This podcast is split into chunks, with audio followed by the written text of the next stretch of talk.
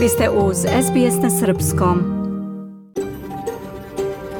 SBS, a world of difference. You're with SBS Serbian on mobile, online and on radio. Vi ste uz SBS na Srpskom, na mobilnom, na internetu i na radiju.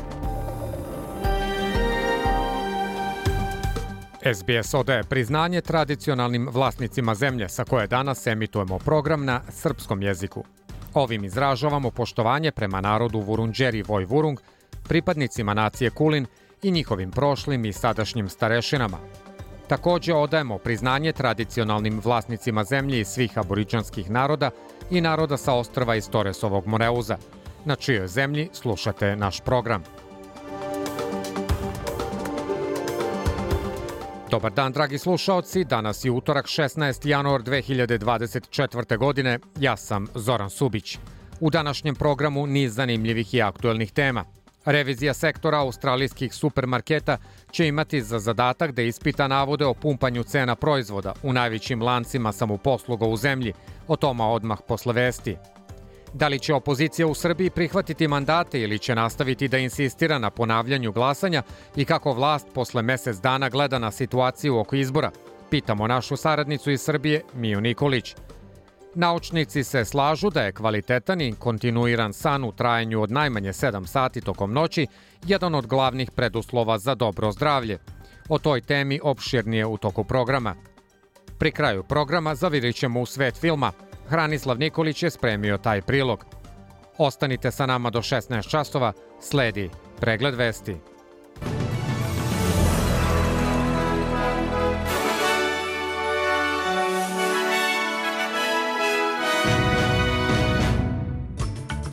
U Davosu je počeo godišnji sastanak Svetskog ekonomskog foruma sa oko 3000 zvanica, više od 100 predstavnika država, vlada i međunarodnih organizacija – Nauru je prekinuo diplomatske veze sa Tajvanom u korist Pekinga. Urgira se na stanovnike zapadne Australije da pregledaju planove zaštite od požara, dok su najmanje dve kuće izgubljene u požarima severoistočno od Perta.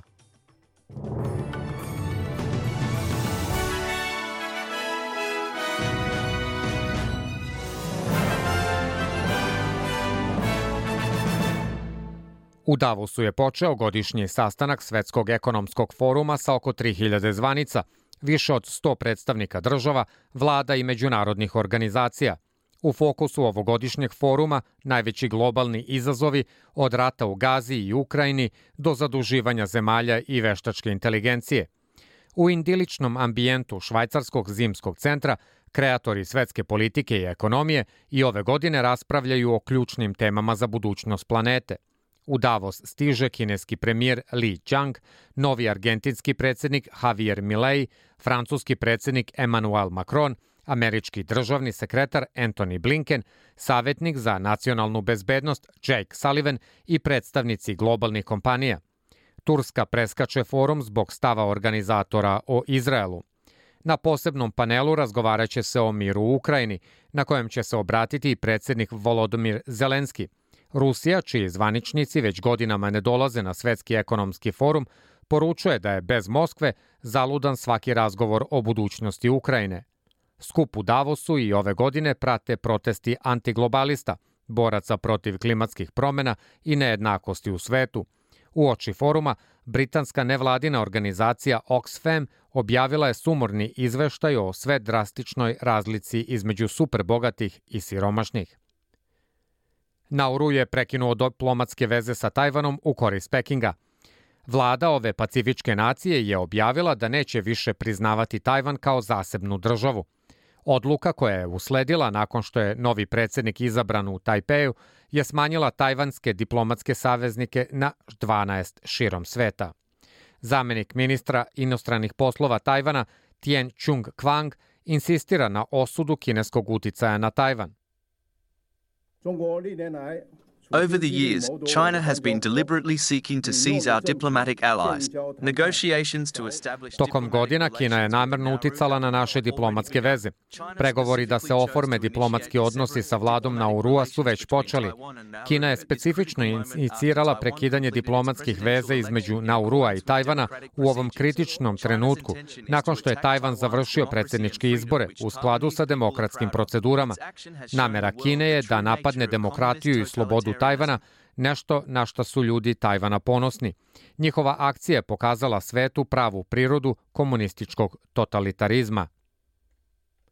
Urgira se na stanovnike Zapadne Australije da pregledaju planove zaštite od požara, dok su najmanje dve kuće izgubljene u požarima severoistočno od Perta. Vatrogasci se bore sa požarima širom države, a najmanje 6000 hektara je izgorelo. Ministar Zapadne Australije za hitne usluge Steven Dawson kaže da su požari u Jinjin i Chitteringu sada pod kontrolom, dok je požar u Bindunu skoro pod kontrolom. Ali dodaje da i dalje ima dosta toga da se pređe ovog leta. Uh, as I said at the beginning of this fire season, it will be a long one. It'll be hot, dry, and dangerous, and we're certainly seeing that. Kao što sam rekao na početku ove sezone požara, biće duga, biće vruće, suvo i opasno i sigurno je da to do sada viđamo. Urgiram na zapadne Australijance da preduzmu potrebne mere kada izlaze napolje i da prate požarne savete i upozorenja preko web sajta Zapadne Australije za hitne situacije. Opet urgiram na sve da formiraju požarni plan, da downloaduju aplikaciju My Bushfire Plan na telefonu. Uzeće im oko 15 minuta, ali može spasiti vaš život i život vaših voljenih. Nakon jučerašnje nove erupcije vulkana na Islandu, lava je stigla do grada Grindavik, koji je ranije evakuisan. Nivo uzbune podignut je na najviši stepen, a više kuća je zapaljeno. Lava se razlila ulicama Grindavika i zapalila više kuća, Barijere koje su izgrađene nakon erupcije u decembru delimično su zadržale lavu, ali su pojedine probijene. Glavni put u Grindaviku je presečen. Direktor civilne odbrane Vior Reinison kaže da je grad sada u vanrednom stanju. We don't know how long it's going to, to last and how this is going to de develop for the next days. But we are still uh, long building some of the barriers. Ne znamo koliko dugo će trajati, kako će se to razviti u sledećim danima. I dalje gradimo neke barijere i pokušavamo da skrenemo lavu zapadno od Grindavika ali je takođe lava ušla u grad. Sada gledamo da li je moguće da postavimo neke barijere da bi skrenuli lavu time što bi je rashladili. Možemo to da uradimo van luke i industrijske oblasti, što je na neki način srce ovog grada. Ukrajina je oborila špionski komandni avion iznad Azovskog mora. Rusija osudila više od 200 ukrajinskih ratnih zarobljenika na dugotrajne kazne zatvora, dok su pojedini zarobljenici osuđeni na doživotnu kaznu. Ruski predsednik Vladimir Putin telefonom je o ratu razgovarao sa indijskim premijerom Narendrom Modijem. Ujedinjene nacije su apelovale na humanitarnu pomoć Kijevu u vrednosti od 4,2 milijarde dolara. Dečiji fond Ujedinjenih nacija kaže da se deca razboljevaju u Gazi jer su primorani da piju kontaminiranu vodu. Deca čine polovinu stanovništva Gaze i Tess Ingram iz UNICEF-a kaže da manjak vode i osnovnih zaliha dodaje izazovima. Our most pressing priorities at the moment are, are providing safe water. Um, there's just really not enough Naši najvažniji prioriteti ovog momenta su da se pruži bezbedna voda, jer sada nije dovoljno bezbedna. Čista voda za decu gaze i oni moraju sada da piju slanu ili zagađenu vodu što ih čini bolesnim.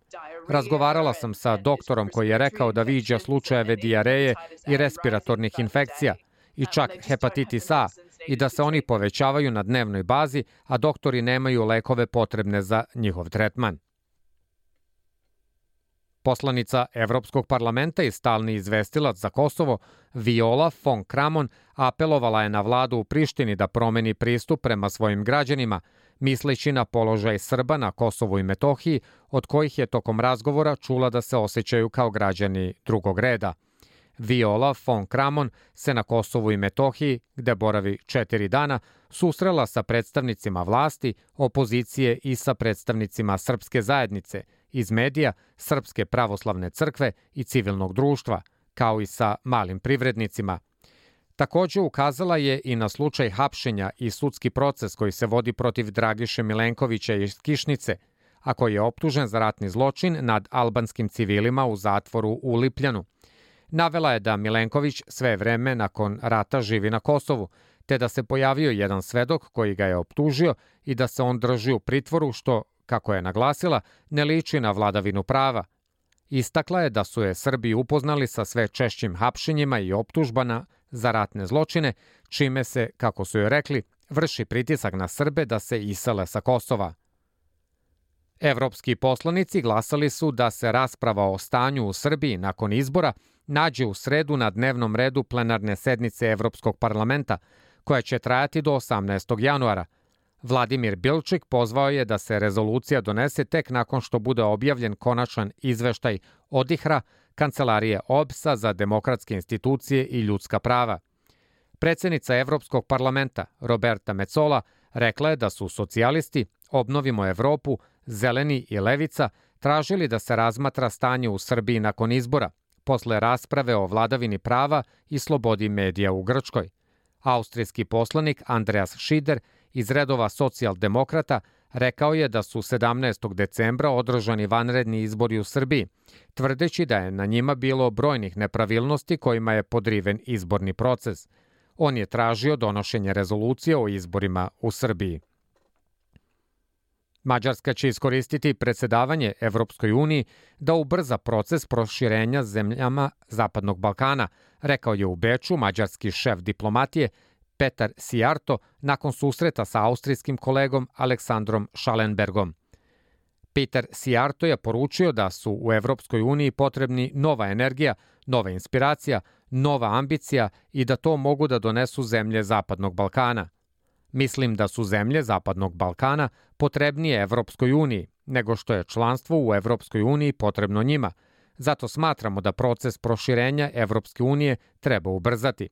Želimo da vreme predsedavanja Evropskom unijom iskoristimo da veliki broj zemalja Zapadnog Balkana otvori što više poglavlja u procesu pregovaranja za članstvo, rekao je Sijarto. Mađarski i austrijski ministri spoljnih poslova u Beču su razgovarali i o ilegalnim migracijama i saradnji u energetskom sektoru.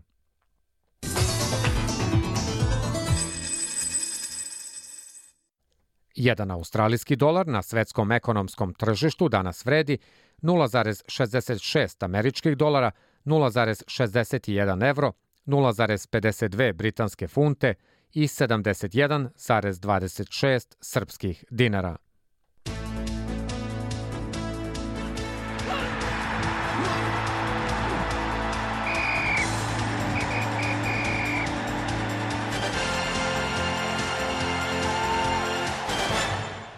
Košarkaši Partizana pobedom protiv Cibone u Zagrebu 87 prema 74 zatvorili su 16. kolo regionalne ABA lige.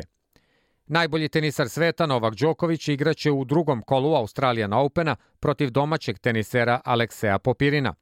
Srpski teniser Miomir Kecmanović izborio je plasman u drugo kolo Australijan Opena nakon pobede nad Japancem Josukeom Vatanukijem od 3 prema 1. Dušan Lajović i Laslo Đere su danas ispali sa Australijan Opena u prvom kolu. Deseti igrač sveta Alex de Minor je izborio plasman u drugo kolo otvorenog prvenstva Australije. Kanadski igrač Miloš Raonić je bio primoran da preda meč u trećem setu zbog povrede i time je de Minor osigurao plasman u drugo kolo. Rezultat je bio 1-1 u setovima, a Australijanac je poveo sa 2 prema 0 u trećem setu kada je Raonić predao meč. 24-godišnjak će se u drugom kolu sastati sa Italijanom Mateom Arnaldijem. De Minor kaže da je zadovoljan sa svojom igrom i da je plan da tako i nastavi. Keep going. I mean, uh, it's uh, Uh, Nastaviti dalje. uh, Mislim, veoma je jednostavno, ništa se ne menja. Štiklirao sam to dostignuće, ali i dalje želim da se poboljšam. Želim da se popravim i dalje želim da iz sebe izvučem najviše i nadam se da nisam još završio. Košarkaški klub Baskonija saopštio je da je sud u Vitoriji presudio da argentinski reprezentativac Luka Vildoza mora da plati španskom timu milion evra. Presuda je kompenzacija zbog jednostranog okončanja ugovora usled odlaska u NBA i kasnijeg povratka u Evropu. Golman rukometne reprezentacije Srbije Vladimir Cupara je u razgovoru za RTS istakao da je pričao sa rukometašima Mađarske, koji su ga uveravali da će dati sve od sebe i da će pobediti Island. Rukometaši Srbije će morati da pobede Crnu Goru u trećem kolu preliminarne faze, kako bi se domokli glavne runde prvenstva Evrope. Pored toga, Orlovima će biti potrebna pobeda Mađarske nad Islandom. Mladi srpski futbaler Ognjen Mimović zvanično je na stadionu Rajko Mitić predstavljen kao novi igrač Crvene zvezde. Mimović je sa crveno-belima potpisao ugovor do 2028. godine. Mimović je prvi deo sezone odigrao u OFK Beogradu, za koji je na 13 utakmica upisao tri asistencije.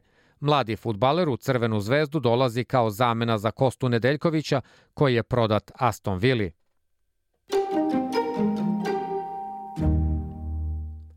Sledi vremenska prognoza koja nas danas do kraja dana očekuje po najvećim gradovima Australije. U Sidneju 27 stepeni i pljuskovi, u Melbourneu 30 stepeni, sunčano sa manje vetra, u Brisbaneu 29 stepeni i pljuskovi, u Pertu 41 stepeni, delimično oblačno vreme, u Adelaidu 33 stepena, takođe delimično oblačno, u Hobartu 29 stepeni i sunčano, u Kamberi 23 stepena, povremeni pljuskovi i u Darwinu 31 stepen, dosta kiše i moguća oluja. Ovo su bile vesti SBS programa.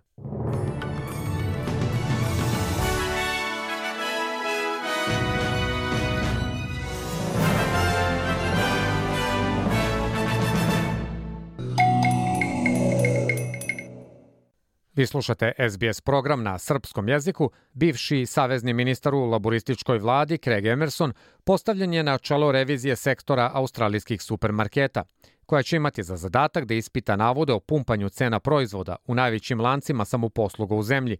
U javnosti vlada sve veća zabrinutost zbog rastuće razlike između cena koje plaćamo u supermarketima i onoga što prodavci plaćaju farmerima i drugim dobavljačima.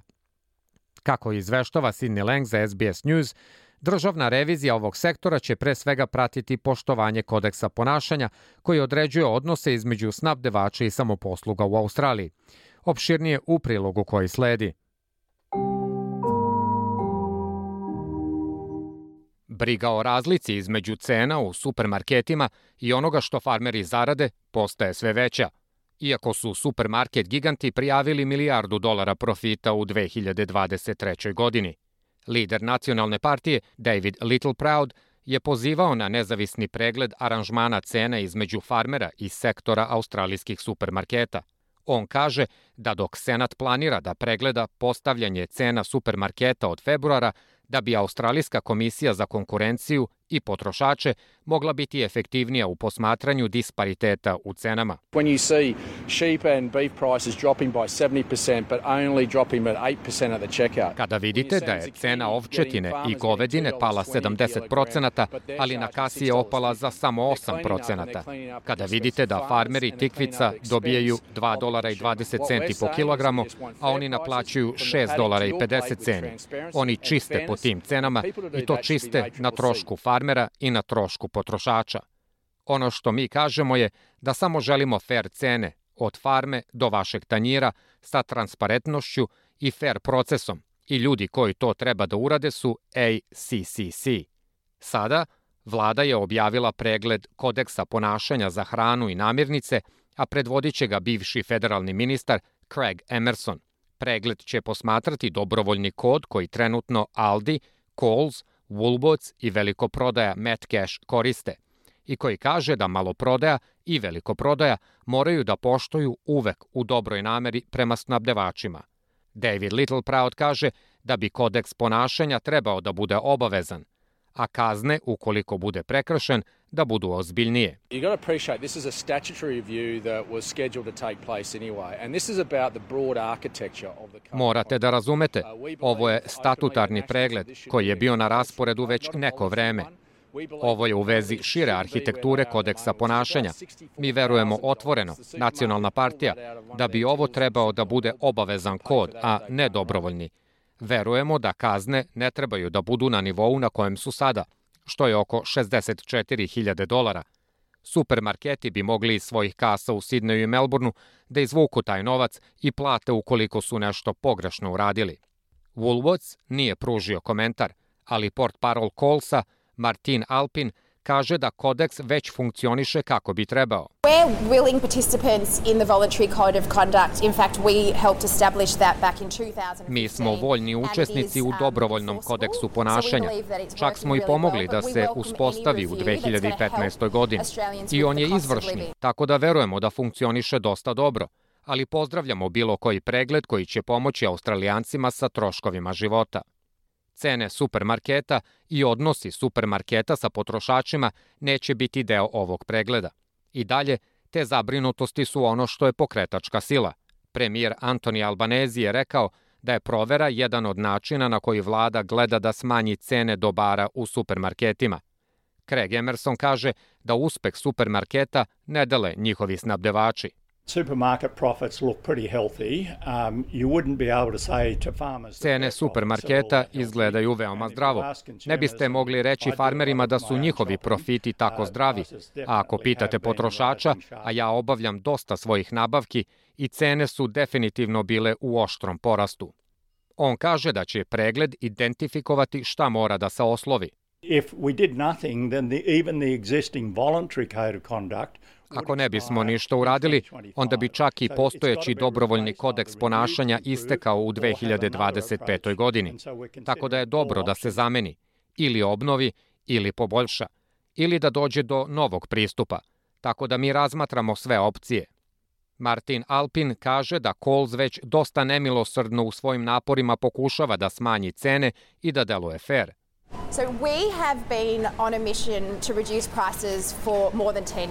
Već više od 10 godina smo bili na misiji da smanjimo cene. To je nešto u vezi čega smo strasni i nastavljamo da radimo na tome gde možemo da smanjimo cene za naše potrošače. Bilo je stvarno teško vreme sa inflacijom na širem nivou, sa dosta industrija. i znamo da naši potrošači trebaju da imaju sposobnost da plate namirnice svake nedelje i stave hranu na sto. Predsednik Nacionalne federacije farmera, David Joe Hinkey, kaže da se nada da će pregled dovesti do nekih pozitivnih promena. What we don't want to see is just another inquiry that carries recommendations that aren't acted on. Ono što ne želimo da vidimo je još jedno ispitivanje koje nosi predloge na koje se ne deluje. Imali smo preispitivanja sektora namirnica, došlo je do nekih jakih predloga, koji, da su bili prihvećeni, mi ne bi danas imali ove diskusije. I ono što želimo da uradimo je da vidimo neke značajne promene, ne samo u vezi kodeksa namirnica, već u vezi lanca nabavke i zakona konkurencije, kako bi dobili bolju transparentnost za farmere, da obezbedimo da je u ugovorima ispravnost i da tako imamo veće razumevanje ako je neko prekršio svoj deo obaveze, da postoji kazna za to da ljudi mogu da budu odgovorni.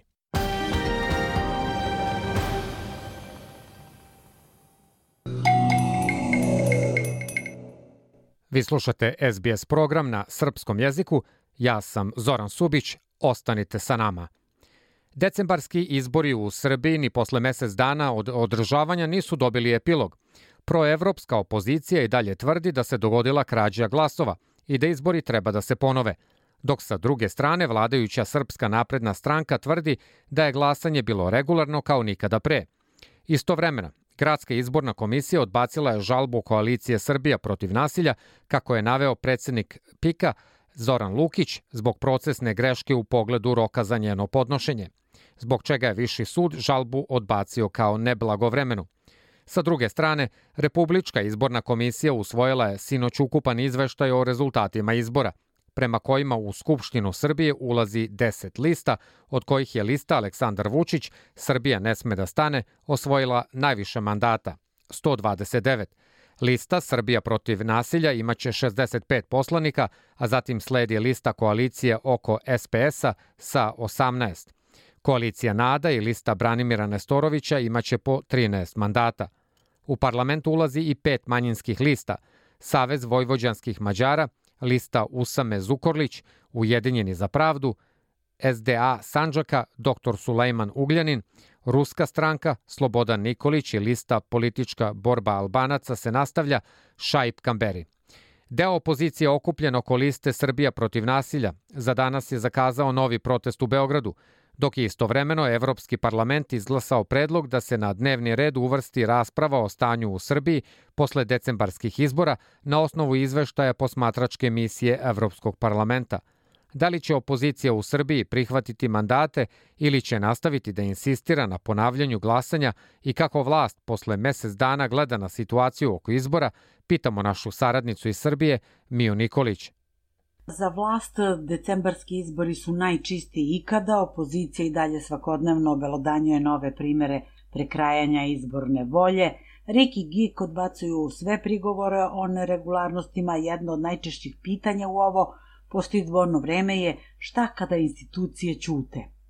Ukoliko i Ustavni sud, koji nažalost je takođe zarobljena institucija i pod kontrolom je vlasti, oglasi se nevažećim, ostaje nam samo da potražimo pomoć na sudu za ljudska prava u Strasburu od Evropske unije kojoj navodno želimo da pripadamo, jer sumnjam da svet može da dozvoli ovakvu otvorenu krađu izbora u jednoj evropskoj zemlji koja teži da postane članica Evropske unije, kaže član GIKA u ime koalicije Srbija protiv nasilja Zoran Alimpić.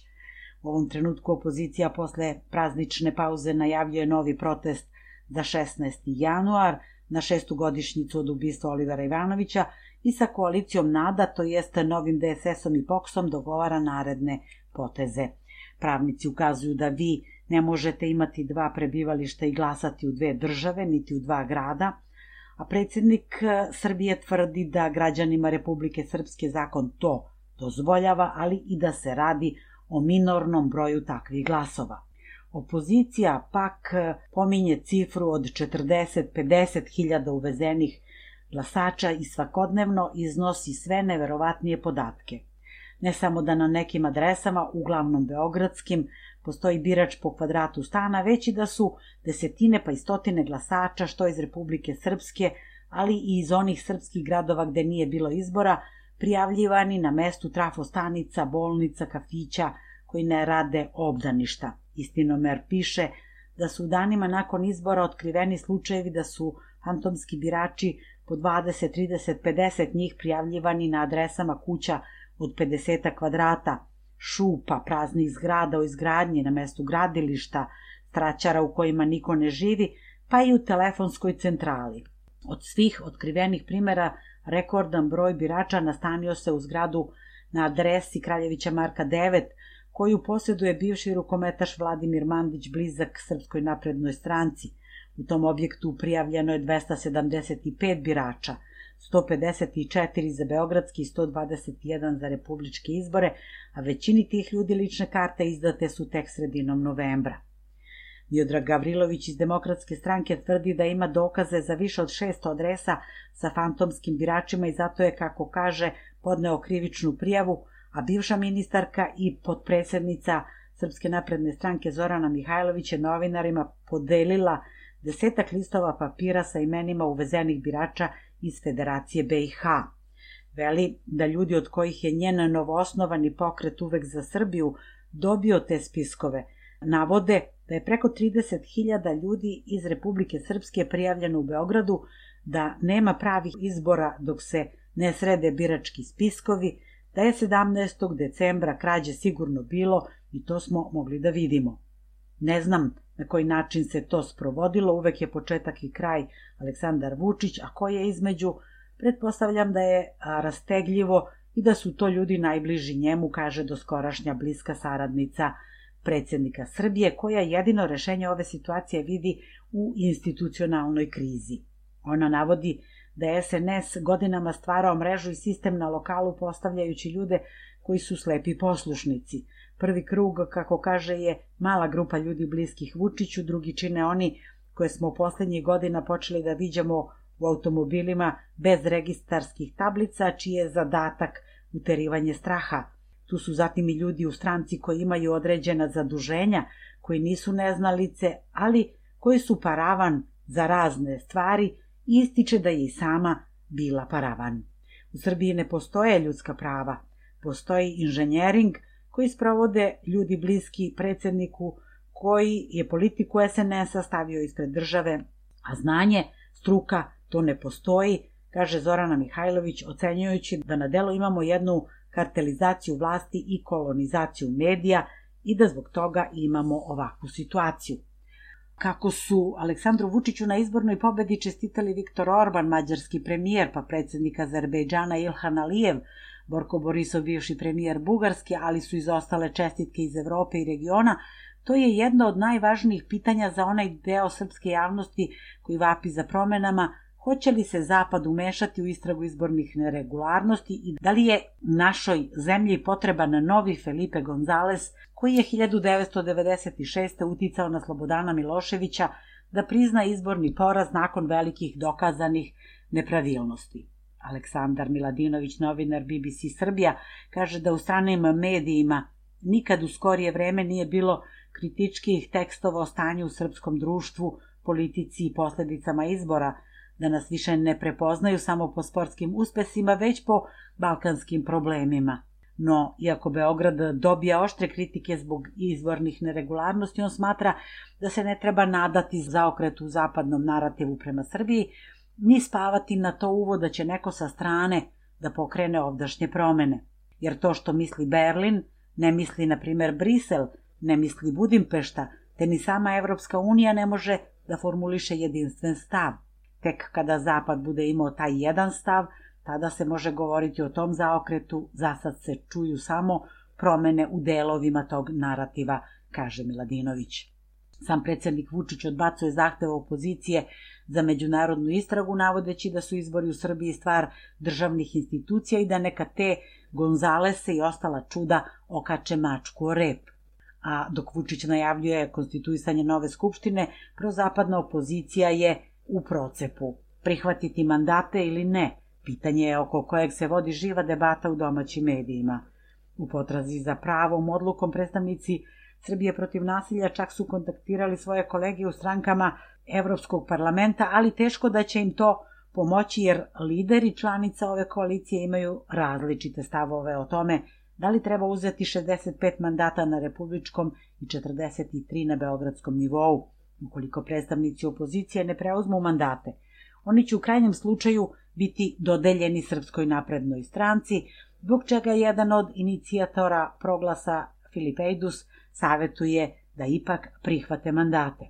Protiv odbijanja mandata su i kolege srpske opozicije iz Evropskog parlamenta koji su spremni da dođu u Beograd i podrže zahteve za ispitivanjem i ponavljanjem izbora, ali im nije jasno zašto bi odbijali ono što su pošteno osvojili pritom u neravnopravnoj utakmici.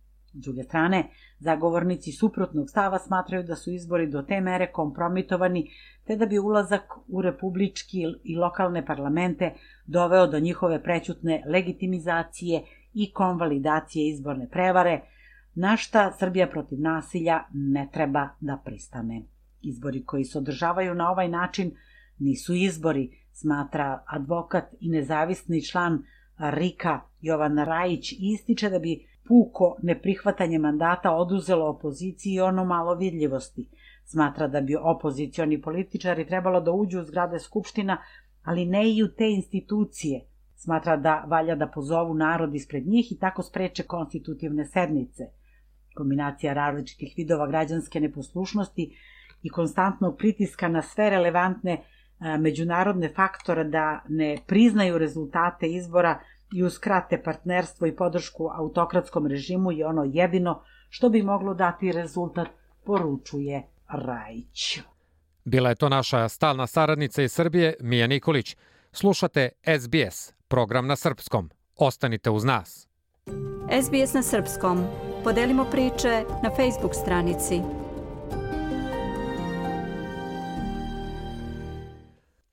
Naučnici se slažu da je kvalitetan i kontinuiran san u trajanju od najmanje 7 sati tokom noći jedan od glavnih preduslova za dobro zdravlje. Poremećaj ili nedostatak ritma spavanja dugoročno može da ostavi ozbiljne posledice.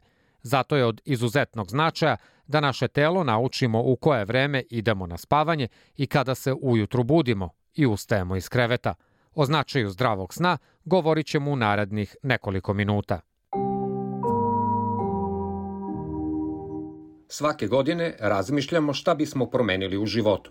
Da li će to biti zdravija ishrana, više vežbanja i fizičkih aktivnosti, nova i stara prijateljstva, način na koji se nosimo sa stresom kod kuće i na poslu. Kako ističu stručnjaci, pre svega treba da se usresredimo na kvalitetan i dobar san. Dobar san pozitivno utiče na dobro raspoloženje, poboljšava nivon energije, pa je lakše ostvariti snove i ciljeve. Savet je da je za kvalitetan san potreban kontinuitet tokom svake noći. Tako prelazimo sve četiri faze sna, gde svaki ciklus traje do 90 minuta. Većini ljudi potrebno je 7 do 8 sati sna. Saveti za zdrav i kvalitetan san su napraviti raspored odlazaka u krevet i buđenja, držati se rasporeda sna i tokom vikenda i kratkih odmora. Ako se vreme spavanja i buđenja menjaju iz dana u dan ili vikendom, vaš ritam spavanja nije predvidiv, a telo ne zna kako da reaguje. Budite se u isto vreme svakog jutra, rekao je klinički psiholog i stručnjak za spavanje Michael Grandner. Ne uzimajte alkohol da biste smirili živce ili pomogli sebi da zaspite. Alkohol može da pomogne da zaspimo, ali postoji mogućnost da se preskoči neka od faza sna, što nije dobro za zdravlje. Telo treba da iskusi sve tri faze sna, lagani san, REM stanje ili stanje sna i dubok san, da bi se u potpunosti obnovilo. Kofein se ne proporučuje posle podneva, kao ni teški začini koji izazivaju gorušicu ili druge probleme sa varenjem. Postoji mnogo više načina da trenirate svoj mozak da zaspi i ostane u snu. Dobre navike uključuju eliminisanje plave svetlosti i buke, tople kupke ili jogu za opuštanje i održavanje spavaće sobe hladnom i bez elektronskih uređaja. Nauka nam govori da se bolje odmaramo na nižim temperaturama, 15 do 20 stepeni Celzijusa. Plava i druga LED svetla koja emituju laptopovi, pametni telefoni i televizija ometaju proizvodnju melatonina, hormona sna u našem telu. Koliko god ponekad izgledalo normalno da radite iz kreveta ili igrate igrice sa decom u krevetu, to nije dobro, jer je spavaća soba mesto za spavanje. Bilo da je početak noći ili sredina noći, ako ste budni 20 ili 30 minuta, ustanite i resetujte se. U krevetu ne treba ležati budan, bez sna, zato što budno ležanje u krevetu može stvoriti asocijaciju u vašem mozgu koja može dovesti do hronične nesanice. Umesto da bude mesto za odmor, gde mirno zaspite, vaš krevet postaje uznemirujuće mesto gde se bacate i okrećete i budite umorni, rekao je Michael Grandner. Možda će vam biti potrebna profesionalna obuka za spavanje ili poseta specijalisti za spavanje da biste isključili apneju ili ozbiljne poremećaje spavanja. Potražite na mreži Diagnostički centar za spavanje u vašem području. Slušajte SBS na srpskom, na mobilnom, na internetu i na radiju.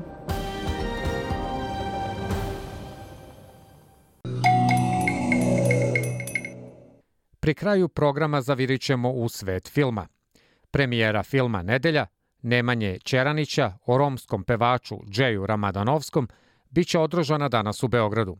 Čeranić potpisuje svoj drugi igrani film kao režiser posle krimi ostvarenja Lihvar i serije Švindleri, a muzičar Husein Alijević pojavljuje se u ulozi Džeja. Posle Beogradske slede premijere filma Nedelja i u Novom Sadu, Kragujevcu, Nišu, kao i u inostranstvu. Opširnije o tome u izveštaju Hranislava Nikolića. Premijera filma Nedelja Nemanje Čeranića o čuvenom romskom pevaču Džeju Ramadanovskom biće održana u utorak 16. januara u MTS dvorani nekadašnji dom sindikata u Beogradu. Najavila je autorska i glumačka ekipa u susretu sa medijima. Film Nedelja donosi priču o životu jednog od najpopularnijih pevača sa ovih prostora, a život ovog poznatog Dorčovca dočaraće glumačka ekipa u sastavu Husein Alijević u ulozi Džeja, Marko Janketić, Stefan Vukić, Aleksej Bjelogrlić, Alen Selimi, Ana Pindović, Zlatan Vidović, Maša Đorđević, Milica Janevski, Stojša Oljačić, Ivan Jevtović, Jovo Maksić, Nela Mihajlović i drugi. Režiser Nemanja Ćeranić u susretu sa novinarima je otkrio da je ekipa četiri meseca uporno tražila osobu koja će igrati Džeja. Potom je nastavio. I sticajem okolnosti neko je pomenuo Huseina Alijevića Husu koji je do mene ovde. I ono što je bilo najzanimljivije, ja sam bio veoma upoznat i sa njegovom muzikom pre toga, jer sam odrastao i na dževoj muzici, a i na beat streetu. e, što je vrlo interesantno, jel te? I e, u jednom trenutku kad se posle četiri meseca Husa pojavio na, na, na castingu i kada smo ga intervjuisali, e, mi smo shvatili da on na neki način je poznavao Džeja i da je 92. igrao sa njim na sajmu i bio njegov igrač i da dolaze iz potpuno um, ajde da kažem, e, iste pozadine. E, I u tom trenutku smo znali da je to čovek koji treba da bude apsolutno Jay e, i posle toga smo naravno ga uparivali sa drugim glucima da vidimo kako to funkcioniše i to je ovaj, jako dobro proradilo i jako mi je drago što, što je Husa u ovom filmu i mislim da je donao jednu autentiku za ovaj naš film. Glavni glumac, muzičar Husein Alijević Husa je kazao da je plesao na sceni kod Žeja davnih 90. godina. Zatim je nastavio. Ja sam ovaj, posle jednog tinejdžerskog perioda u kome sam a, zaista ostvarivao kao tinejdžer kant autor velike rezultate u jednom teškom periodu, zapravo kada je Džej Ramadanovski počinjao taj početak 90-ih. Nakon jednog perioda koji je bio prilično brz, tada za mene imao jedno desetak, 15 godina autorskog rada koji je bio iza scene i taj moment kada me Boban Dedejić uh, nazvao i ovaj, predstavio mi se, ovaj, pitao me da li mi je zanimljivo da igram Džeja na filmu. Uh, jednostavno znao sam da kada uđem u to da se opet vraćam ovaj, ne samo na velika vrata, nego da bukvalno ovaj, e, postajem dostupan svakome, a danas uh, je i tekako drugačije vreme nego 90-ih. Ovaj, sva sreća nemamo rat, ali imamo milijardu medija, milijardu društvenih mreža, imamo mobilne telefone i znate sve što imamo. Tako da sam ovaj, bio spreman uh, da me sačeka sve ovo što, što će se dešavati, što se već dešava, ali sam osetio jedan veliki um, prvo dug prema Džeju Ramadanovskom koji me sa nepunih 17 godina stavio pored sebe u momentu kada je bio najveća zvezda u zemlji pre 30.000 ljudi uh, da, da džuskamo sa njim i kasnije i kasnije, mislim, ceo život sam ga viđao jednostavno čovjek me je zadužio, imao sam potrebu prema njemu da, da, da odgovorim ovom pozivu svim svojim bićem. Marko Janketić nastupa u ulozi Isa Lera Džambe, Džejevog brata od tetke, a neki kažu da mu je to sada životna uloga. Janketić se ne slaže sa tim i objašnjava. I onda je spomenuo da bi me ovaj, možda probao za, za ulogu Džeja. Ja sam mu odmah rekao da mislim da nisam za tu, za tu ulogu. Onda mi je spomenuo ovaj, Soleru Džambu i ja sam mu rekao da, to je moja uloga. I nekako čini mi se da poznajem ljude ovaj, sa, sa margine, poznajem ljude sa ulice, jedan deo svog detinstva sam i provodio sa njima i nekako sam uspeo da prepoznam, a osim toga Stefan je to napisao, tu ulogu na jedan malo romantičniji način, njegov život je bio mnogo, mnogo suroviji, mnogo mnogo teži zapravo. I kad kaže ovaj Husa da je ovo da, da ovo nije fikcija, jeste fikcija i Sofročamba nije svirao gitaru, to to verujte.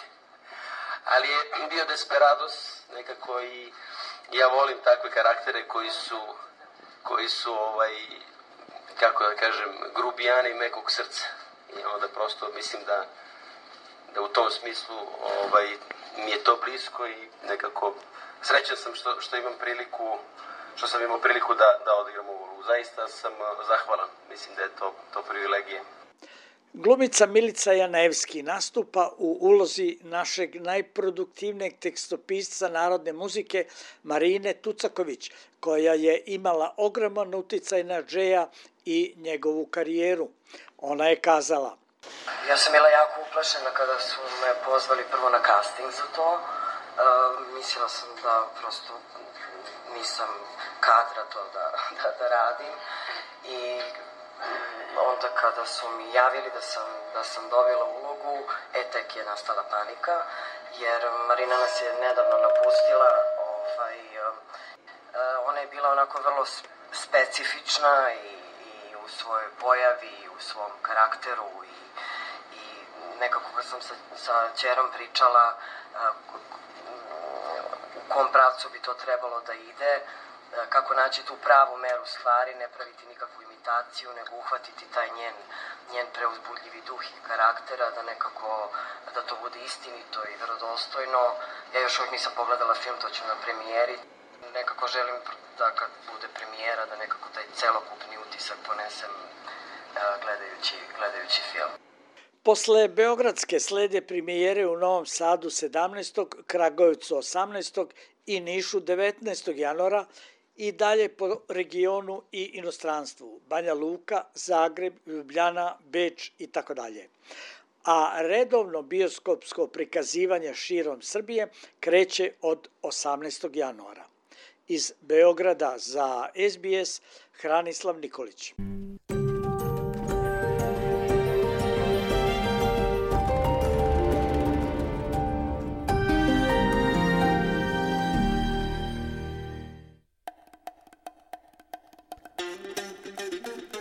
Slušali ste SBS program na srpskom jeziku ovog utorka 16. januara.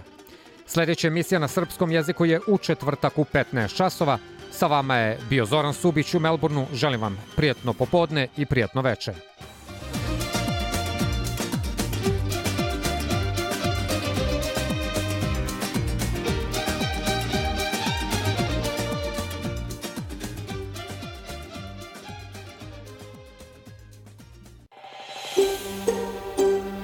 Želite da čujete još priča poput ove? Slušajte nas na Apple Podcast, Google Podcast, Spotify ili odakle god slušate podcast.